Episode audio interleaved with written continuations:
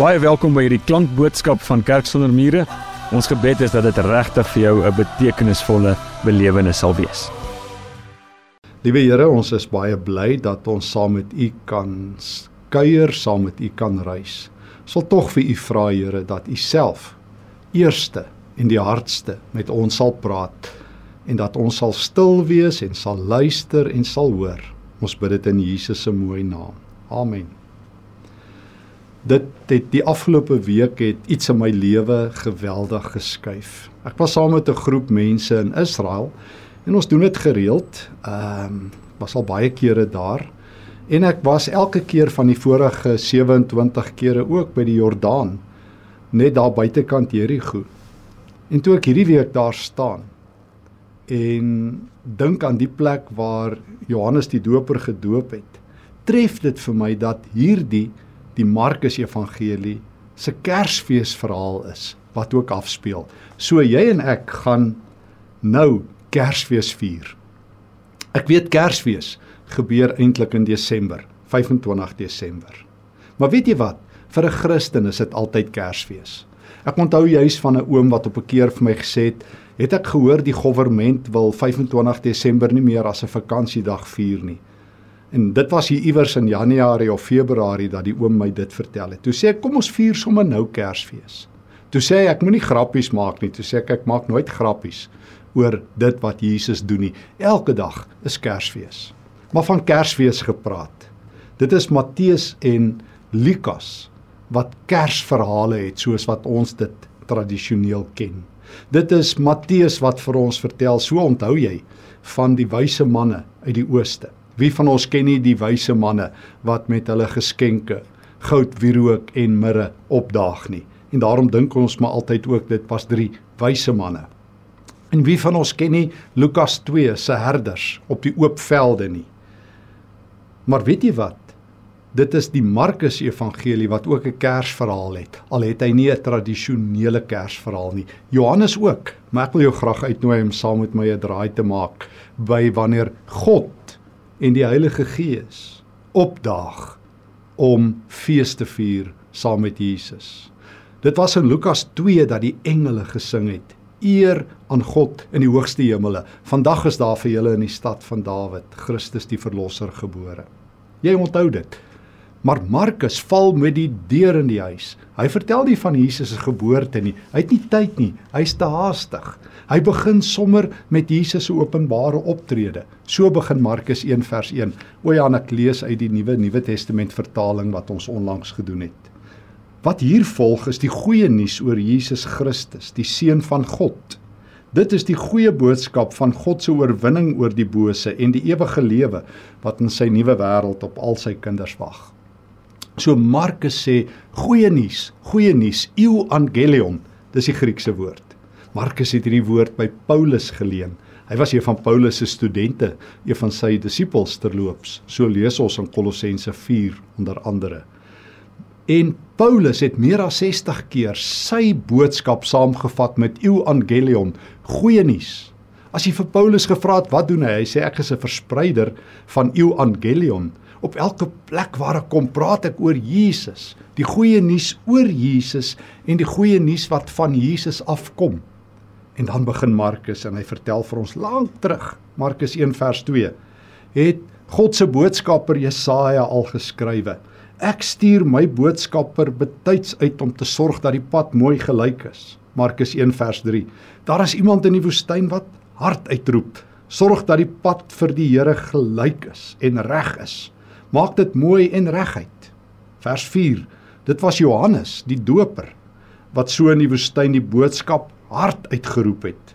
Draai terug na God, toe laat julle doop het hy die mense aangemoedig. Dan sal God julle sondes vergewe. Baie mense het toe na Johannes die doper toe gestroom en hulle is deur hom gedoop daar by die Jordaanrivier. En hy vertel toe vir die mense: "Ouens, weet julle wat? Kersfees is op pad." Nee nee, dis my weergawe. Hy sê uh vers 7. Iemand is op pad wat baie magtiger en belangriker is as ek. Ek is nie eers goed genoeg om sy skoenveters los te maak nie. Julle sal sien. Ek doop julle met water, maar hy gaan julle met die Heilige Gees doop. En toe weet die mense, hier kom 'n ding. Nee, hier kom iemand. Nee, hier kom die seun van God, Christus die Here. En toe op 'n dag Markus 1 vers 9 toe daag Jesus op. Is dit nie mooi nie? Toe daag Jesus op en al die pad uit Nasaret. Dis 'n dorpie in die provinsie van Galilea. Ook vir hom het Johannes in die Jordaanrivier gedoop. En hoor nou, hier breek Markus se Kersfees aan. Dadelik, net toe Jesus uit die water uitkom, sien hy hoe die hemel oopgaan en die Gees op hom afdaal. Dit het soos 'n duif gelyk wat aangevlieg kom. Vers 11. Uit die hemel sê iemand toe: "Jy is my seun vir wie ek liefhet. Jy is my trots en jy maak my bly." So lyk Markus se Kersfees. Kersfees begin, goeie nuus begin, evangelion begin, die koms van die Heilige Gees wat ons met vuur doop begin wanneer Jesus opdaag by die Jordaanrivier. Daar by die Jordaanrivier onthou jy, het die Israeliete die beloofde land binne gegaan.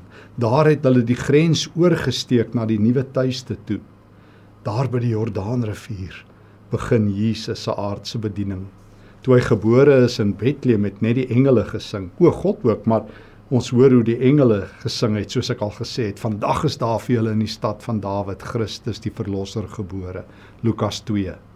Maar wanneer Jesus se publieke bediening begin, daar God en die Heilige Gees op, daar by die Jordaan, daar in die woestyn, daar te midde van die hitte en die sweet en die stof, toe Jesus in daai water ingaan, toe is dit God en die Gees wat opdaag.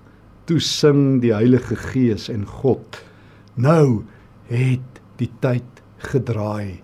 Nou het die ewigheid grond geraak. Nou het God se aardse bediening begin en dan tree Jesus op met die woorde, dieselfde woorde as Johannes die Doper: "Bekeer julle, die koninkryk van God is hier."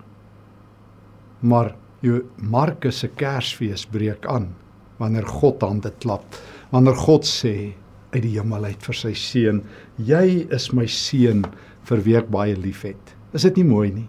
Het jy al ooit daaroor gedink dat ons hierdie tyd van die jaar Kersfees kan vier wanneer God oor sy seun, sy kind jubel? En God sê nie in die eerste plek vir Jesus toe gaan verander die wêreld nie. Toe gaan maak die wêreld 'n beter plek nie. Gaan nou nie. Nee nee. God se enigste woorde is: Dis my kind. Wêreld, kyk, dis my kind. Hy gaan alles verander. Hy gaan maak dat die heelal van nou af andersom draai. Hy gaan maak dat dooies lewe, dat verlorenes gered word, dat gesoektes gevind word, dat donker lig word, dat dood in lewe verander. Dis Jesus in volkleur. Dis Jesus wat opdaag. Dis Jesus wat die wêreld gaan verander. Evangelion, goeie nuus in lewende lywe. God met 'n lyf. God in Judea en Galilea. God die wêreld vol. Dis Jesus. En dis God wat sing. Jy is my geliefde seun. Ek is so trots op jou. Jy gaan dit alles verander. Dis die Hebreërs skrywer wat sê in Hebreërs 1 vers 1 en 2 In die ou dae het God op baie maniere en op baie verskillende wyse met ons gepraat deur die profete. Maar in hierdie laaste dae, in hierdie Jesus dae, in hierdie eindtyd, het hy met ons gepraat deur die Seun. God het sy praat verander, sy manier van praat, sy kan ek dit sê baie praat afgeskaal tot Jesus. As jy God wil hoor, moet jy kom Kersfees hou by die Jordaan, moet jy nou kom Kersfees vier. Moet jy kom kyk Hy wat met die Gees doop is hier. Jesus, die Here, hy wat die wêreld verander, lewe verander. Hy wat van homself sê, ek is die lig vir die wêreld. Hy wat in Johannes 6 sê, ek is die brood wat lewe gee. Hy wat in Johannes 11 as hy sy hand in die doderyk sit en vir Lazarus terugbring, sê ek is die opstanding en die lewe. Hy wat in Johannes 10 kan sê ek is die ware goeie herder. Ek is die herder en ek is die deur. Hy wat in Johannes 14 kan sê ek is die wynstok. Johannes 15 en julle die lote. Hy wat in Johannes 14 kan sê ek is die pad en die waarheid en die lewe. Jesus het opgedaag. Daarom het God ook opgedaag en die Heilige Gees. Daarom is Vader en Seun en Heilige Gees by as Jesus sy bediening begin. En dan vertel Johannes, ag Markus vir ons, uh, Markus 1 vers 12 tot 13, net daarna die Heilige Gees vir Jesus die woestyn ingelei. 40 dae lank het Jesus daar tussen wilde diere gebly. Daar het Satan aanhoudend probeer om Jesus uit te lok om sy rug op God te draai en nie meer te doen wat hy wil nie. Hy het vergeefs probeer. God het nie vir Jesus alleen gelaat nie. Sy engele het Jesus versorg met alles wat hy nodig het. O, toe draai die bordjies. Toe begin Satan verloor. Toe is die owerste van hierdie wêreld in Trirad. Paulus ken hom as die owerste van hierdie wêreld, die Satan bedoel ek. In Efesiërs 2 En Paulus sê Jesus stamp hom terug en druk hom terug. Die wêreld draai, die gety draai. Kersfees het aangebreek, God se Kersfees. God se geliefde kind stap die woestyn in en stap die woestyn in 'n gelykpad in. Die pad is gelyk. Jesus is hier. En dan dan lees ek ehm um, hoe hy in Markus 2 God se hart wys. Markus 1 altans vers 40 tot 45. Ek lees hoe iemand met 'n onaangename velsiekte, ons ken dit as melaatsheid, na Jesus toe kom. Met 'n gesmeek val hy op sy knieë voor Jesus. As u wil, kan hierdie lelike uitslag op my vel laat weggaan sodat mense my nie meer oral vermy of wegjaag nie. Jesus het die man baie jammer gekry. Hy raak met sy hand aan hom. Ek wil jou graag gesond maak. Word gesond op daardie oomblik het die veluitslag verdwyn. Jy sien so lyk dit as die Vader en die Seun en die Heilige Gees optree. Dan vlug Satan, maar dan vlug siekte ook. Nee nee, dan breek Jesus se hart. Dis vir my so mooi die Griekse woord wat hier gebruik word. Jesus het hom baie jammer gekry. Het al baie daaroor gepraat en ek moet nog baie daaroor praat. Splag nie so maai. Splag nie so maai beteken hier binne breek my hart ruk my hart van omgee en jammer kry en medelee en en hartseer en simpatie en empatie. Jy noem dit. Jesus het 'n lek hart. Sy hart lek God se liefde uit. Dit is evangelion. Dat elke plek waar Jesus kom, gee die bose pad, gee die doodpad, gee die siektepad en kom God se medelee. So lyk Kersfees. Jesus se soort Kersfees, Markus se soort Kersfees wanneer die Vader sê hier is my geliefde seun en wanneer die geliefde seun van God in jou spasie instap en jou lewe verander en jou wêreld verander want Jesus kom God se hart wys. Dit is die eerste Johannesbrief wat dit vir ons leer. Ware liefde is nie die liefde wat ek en jy vir God het nie, 1 Johannes 4, maar die liefde wat God aan ons bewys deur sy seun as 'n geskenk aan ons te gee. En Jesus kom wys die hart van God. Hy kom raak aan ons. Dit is Lukas wat dit so mooi sê in Lukas 12 dat die vinger van God na ons toe uitgesteek word wanneer Jesus in aksie is. Ken jy dit? Ken jy hierdie Kersfees? Kom kyk gou saam met my weer 'n keer. Daar in Markus 1 wanneer Jesus gedoop word en die Vader en die Seun die eregaste uit die hemel is en die drie enige God by Jesus ag saam is en wanneer Jesus in die woestyn is en die Gees hom krag gee oor die duiwel en wanneer Jesus in Galilea is en sy hart lek vir 'n melaatse en siekte gee pad of in Markus 2 vers 1 en verder waar Jesus 'n verlamde man daar in Kapernaum raakloop wanneer die vriende van 'n verlamde man, jy ken die teks, die dak oopbreek en hierdie man daar in Petrus se huis tot voor Jesus laat afsak. Dan hoor ek hoe Jesus in Markus 2 vers 5 wys hoe lyk God in aksie. Toe Jesus vers 5 die vertroue sien wat hulle in hom het, sê hy vir die verlamde man: "My liewe man, God sal niks van al die verkeerde dinge wat jy gedoen het teen jou hou nie. Alles is jou vergewe." Nou ja, die godsdienstige leiers vervies hulle in 'n ander bloedgroep in. Maar Jesus wys, God is hier. God het 'n uitveer. Hierdie uitveer se naam is Jesus en Jesus maak alles wat verkeerd is gister en eergister nou reg. Hy vergewe sondes. Hy gee vir jou 'n nuwe bladsy. Nee nee, 'n nuwe lewe. So lyk dit wanneer Jesus begin optree. Dan vlug die Satan in die woestyn. Dan breek God se hart vir 'n melaatse. Dan hoor 'n verlamde man heel eerste. Jou sonde stel nie meer nie. God het dit uit die pad gevat. God het 'n hart. Dan dan dan kan siekes genees en verlorenes gevind word. Dis wat Jesus kom doen net hierna as hy gaan eet by um, by Leefie die tollenaar nadat hy vir Leefie na die Here toe gelei het in uh, vers 15 en verder van Markus 2 dan sê Jesus vir die godsdienstiges wat so kwaad is hy sê hy het juis gekom om siek mense te vind. Markus 2 vers 17 'n dokter hoef nie gesonde mense te besoek nie maar as mense siek is dan het hulle 'n dokter nodig net so het ek gekom om mense te help wat wat nie eens weet wat reg en verkeerd is nie. Ek het gekom vir siek mense vir sondaars sê Jesus. Ek het gekom om die pad gelyk te maak. Ek het gekom om 'n nuwe pad te bou waar daar nie 'n pad is nie.